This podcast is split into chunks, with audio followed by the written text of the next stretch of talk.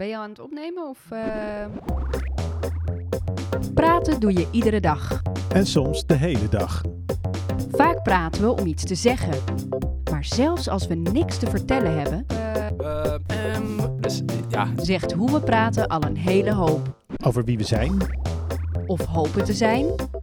en over hoe we woorden geven aan de wereld rondom ons. Mijn naam is Hanneke Baks. En ik ben Tim Bosselaar. Dit is Zeg. zeg, zeg. Een podcast over hoe we klinken en waarom. Hey Siri. Siri. Hey Siri. Hanneke, wat, wat ben je aan het doen? Ja, ik probeer Siri aan te zetten op de iPad van mijn vriend, maar hij reageert dus alleen maar op de stem van mijn vriend en niet op die van mij. Hmm. Maar hoe weet die iPad dan dat hij alleen naar je vriend moet luisteren? Zou die dat leren of zo op de een of andere manier? Ja, misschien dat hij toch iets van een intern geheugen heeft van degene die het eerst tegen hem heeft gepraat of zo. Ik weet het niet. Je hebt ook van die apparaten die je kunt ontgrendelen nu hè, met je stem. Ja, ja, heb ik ook al van gehoord. eh. Maar ik vroeg me dan wel af van, dan moet je wel heel zeker weten dat die stem zo onderscheidend is dat dat lukt om dat apparaat ermee te ontgrendelen en niet zomaar met een andere stem ook. Ja. Dus kan dat eigenlijk wel? Hoe, hoe uniek is een stem eigenlijk? Lijkt dat op een vingerafdruk? Of een iris-scan ding. Ik kreeg laatst eens een appje van iemand van... hey, eh, ik hoorde jou op eh, die en die rondvaartboot, dacht ik. Ben jij dat? Oh ja, dit is, dit, is dit, dit appje toch? Dat heb je mij doorgestuurd. is de voormalige Sint-Martinuskerk te zien. Er zijn appartementen in gevestigd. Ja, dat is die inderdaad. Ja, dat ben jij heel duidelijk niet. Ah, gelukkig maar. Ja, ik heb het aan meerdere mensen laten horen en iedereen zegt... ja, jouw stem lijkt hier echt helemaal niet op. Maar ja, toch is er iemand die die stem hoorde en dacht... oh, hé, hey, die stem ken ik. Je hoort het ook heel vaak van, van mensen dat ze zeggen van eh, aan de telefoon dat ze dan precies hun moeder zijn. Ja, ik niet, maar vrouwen zeggen dat dan vaak, dat ze precies hun moeder zijn. Ja, dat je niet weet wie er aan de lijn eh, is. Ja, maar telefoons, dat is... Ik kan me voorstellen, want daar is natuurlijk sowieso de stemkwaliteit anders... of de geluidskwaliteit anders. Ja, die is eigenlijk gewoon bagger. ik weet als geen ander eh, wat, hoe irritant slechte audio is. Want we krijgen bij, in forensische zaken krijg je altijd alle bagger. Dit is de stem van David van der Vloed. David heeft een beetje moeite met het woord uniek in onze vraag, maar dat vertelt hij straks zelf wel. David werkt voor het Nederlands Forensisch Instituut en doet daar onderzoek naar stemmen. Soms heeft de politie een opname waarvan ze willen weten... Dit is duidelijk een boef, want er wordt drugs verhandeld of eh, kennis van een moordzaak, we- weet ik het. En ze willen weten wie is dit. En dan hebben ze er zelf wel een idee bij, namelijk dit is de verdachte. Ze krijgen die, die ene boevenopname en opname van de verdachte. En dan is de vraag aan ons, is dit nou twee keer dezelfde stem of hebben we het hier over twee verschillende personen? En dat, ehm, wat wij daar eh, aan opleveren kunnen we dan... eh, kan in de rechtszaal gebruikt worden of het kan gebruikt eh, worden als richtinggevend voor politieonderzoek. Dus wat David en zijn collega's proberen te doen, is stemmen van daders en verdachten vergelijken met elkaar om te kijken of dat dezelfde zou kunnen zijn. En daar hebben ze twee methodes voor. De eerste is taalkundigen die luisteren. Ehm, hoe vloeiend je spreekt, of je vaak e of um zegt, überhaupt woordkeus, welke woorden je veel en weinig gebruikt, de klank van je stem, de hoogte van je stem. Of je veel eh, kraak eh, met kraak spreekt of juist eh, niet, dat je de stembanden mooi blijven trillen. Ja, eigenlijk bedenk het maar en die taalkundigen kunnen dat natuurlijk observeren en daar, en daar iets mee doen.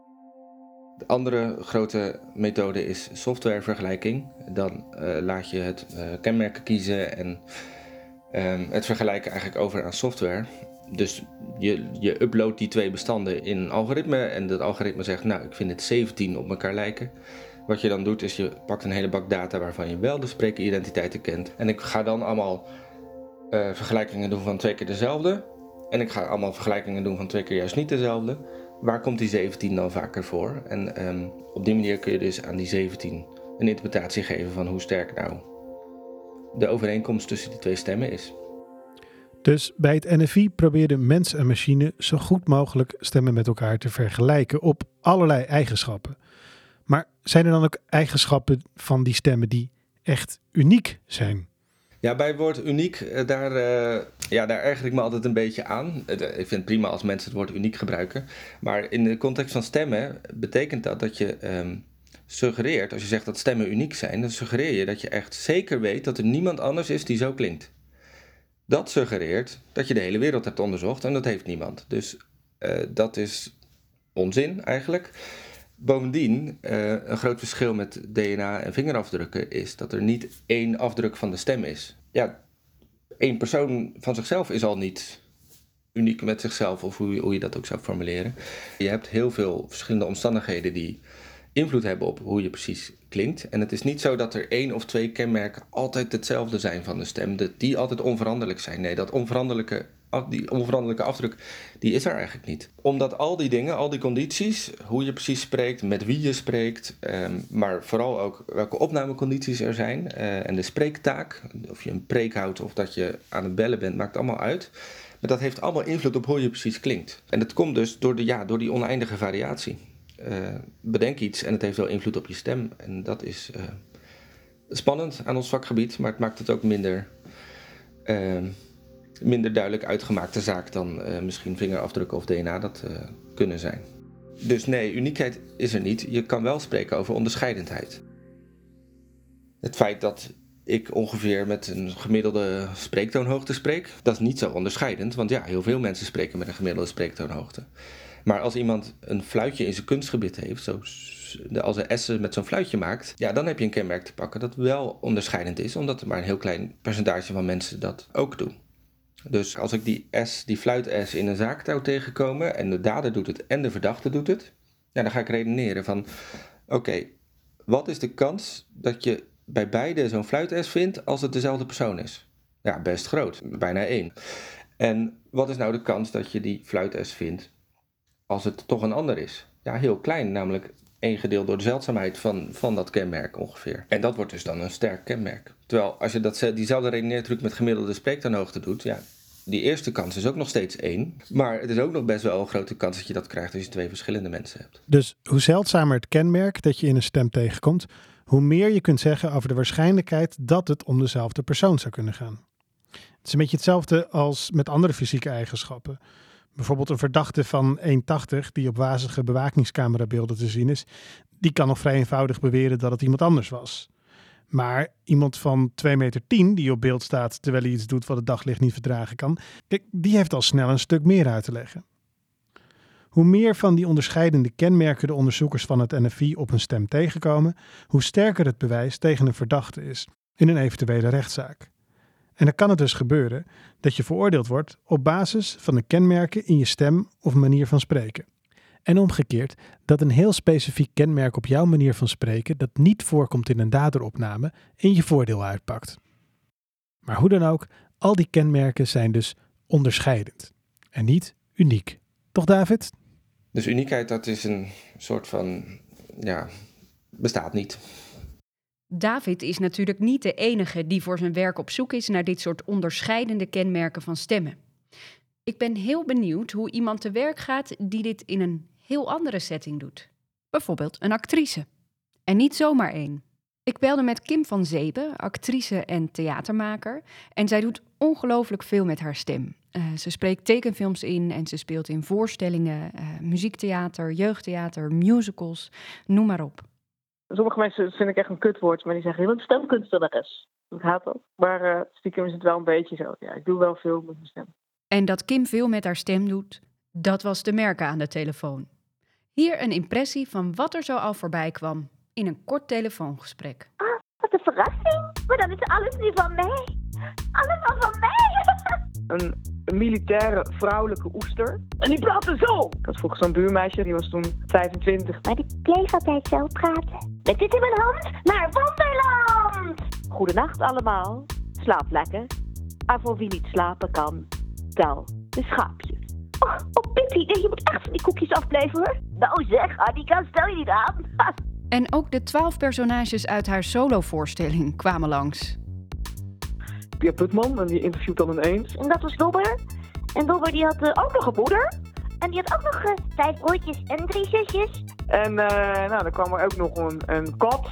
een gitaarspelende rocker. En Carolina, die komt uit een kip die uit zijn gevluchte kip uit dit Oostblok, die in Nederland is komen wonen, samen met die kat. En dan ook nog een Brabantse bouwvakker. Theo, ja, weet je dan ook nog. En dan komt Benetty Burger van het Burgerloket. Dus dat, dat, dat is gewoon één grote kakkenvoer. Het klinkt nu heel heftig, maar het zit ook rustig in de voorstelling. Een cacophonie van stemmen, dat kun je wel zeggen. Maar hierin zie je wel duidelijk hoe ontzettend veranderlijk de stem van één persoon kan zijn. Er was één stem waar ik specifiek iets meer over wilde weten. In het theaterseizoen van 2019-2020 speelde Kim de rol van Juliana in de voorstelling Repelsteeltje en de Blinde Prinses van Theater Rotterdam. Ik vroeg haar hoe je je nou voorbereidt op zo'n rol, gebaseerd op een bestaand persoon, van wie de stem bij velen al bekend is. Ik ben, uh, ben heel erg filmpjes gekeken van haar, oude filmpjes, dus ze sprak. Maar zij had een heel klein slisje. En ik heb zelf ook een beetje een overbeet. En dat had zij ook wel een beetje. Als jij je overbeet een beetje erger maakt. Dus mijn tanden iets, drukte ik iets meer op mijn onderlip. En mijn tong deed ik iets naar voren. Ging mijn gezicht voor mijn gevoel veranderen. En werd ik ook steeds meer die vrouw. Solidariteit. Dat is waar ons kleine volk altijd groot in. dat deze echt, ze moest echt hoesten. Omdat Bernard zat te roken naast haar in bed. Ah, sorry, dat was tegen mijn man. waar was ik? Oh ja, solidariteit. Ik heb natuurlijk die radiotoespraak van haar geluisterd. En dat een beetje zo iets dat ronde. En uh, nou het helpt gewoon heel erg als je dan op spraak let, vooral bij dit personage, omdat iedereen elkaar al kent, wil je toch er heel dichtbij in de buurt komen. Dan is het ook, gaat het richting imitatie. Dus je wil, wil niet iemand alleen maar heel plat imiteren, want het is ook nog een verhaal dat je speelt. En je wil ook dat die, vrouw ontroerend is. En moet ook weten wat ik hier sta te spelen, weet je. Ik ben hier een scène aan het doen met iemand. En dat is uiteindelijk interessanter. Kijk, Juliana was in het echte leven niet aan het zingen in een voorstelling of aan het timen of grappig aan het zijn. Je hoort soms in musicals, dan speelt iemand een personage en dan gaat hij ineens zo zingen. Stel je daarvoor jij het zo sprak? Dus bijvoorbeeld, dat is heel raar. Ik wil altijd zorgen dat het wel met elkaar vermengd blijft. Nou, en dat lijkt mij toch een hele kunst. Dat is gewoon trainen zoals je iemand een pianostuk in zijn vingers krijgt. Van als je alle handelingen weet en de schakels weet. Dus als je zeg maar, de partituur kent, zeg maar, dan pas kan je gaan interpreteren of zo. Weet je? Dus het is gewoon heel erg oefenen, oefenen, oefenen, oefenen, oefenen, oefenen. En dan voel je je pas vrij. Ook had Kim nog wat ideeën over de term uniek. Want ze merkte eigenlijk op dat sommige mensen te horen krijgen dat ze een unieke stem hebben, terwijl ze juist een veilig, warm geluid hebben. En dat andere mensen haar cacophonie juist weer heel uniek vinden. Dus uniek zelf is ook een veranderlijke term. Misschien wel net zo veranderlijk als de stem van Kim. Oké. ehm, Conclusie. ja, conclusie. Wat, eh, nou ja, dat, dat, de, dat de vraag dus niet zo best gekozen was eigenlijk. Ja, Dat hele woord uniek is al problematisch. ja, ik moet wel zeggen dat ik aan het woord uniek nu wel een beetje ook wel een soort fysieke weerstand ervaar. Net als Oh ja? dat ik al jaren bij het woord passie heb. Daar kan ik, oh, gaan mijn haren van overeind staan. Dus dat heb ik nu ook een beetje bij het woord uniek gekregen. Ah, ja. Maar als je het dan niet uniek noemt, maar onderscheidend, eh, dan kan er dus best wel veel mee. Technisch, je kunt dus een iPad ermee openen of niet. Maar ook bijvoorbeeld juridisch. Dus als er mensen en machines stemmen vergelijken, dan kunnen ze daar wel degelijk uitspraken over doen eh, die stand houden in een rechtszaak. Ja, en als je heel goed bent in echt het bestuderen van die onderscheidende kenmerken, dan kun je er ook een fantastische actrice mee worden. Ja, en als je heel goed bent zoals Kim in het verdraaien van je stem, dan zou je dat natuurlijk gewoon moeten kunnen gebruiken, of niet? Nou, dus je zou de perfect, eh, de perfect crime kunnen plegen voor het spraakonderzoek dan. Eh, jij hebt al die dingen wel onder controle, ja. Hi Siri. Hi Siri. Hi Siri. Dit was Zeg. Vond je het leuk? Zeg het voort. Vertel het aan je vrienden. Like ons op Facebook. Volg ons op Instagram. Laat een recensie achter op iTunes. Je weet wel. Oh ja, ook heel belangrijk. Abonneer je. Zeg wordt gemaakt door Hanneke Baks. En Tim Posselaar. Volgende maand een nieuwe Zeg.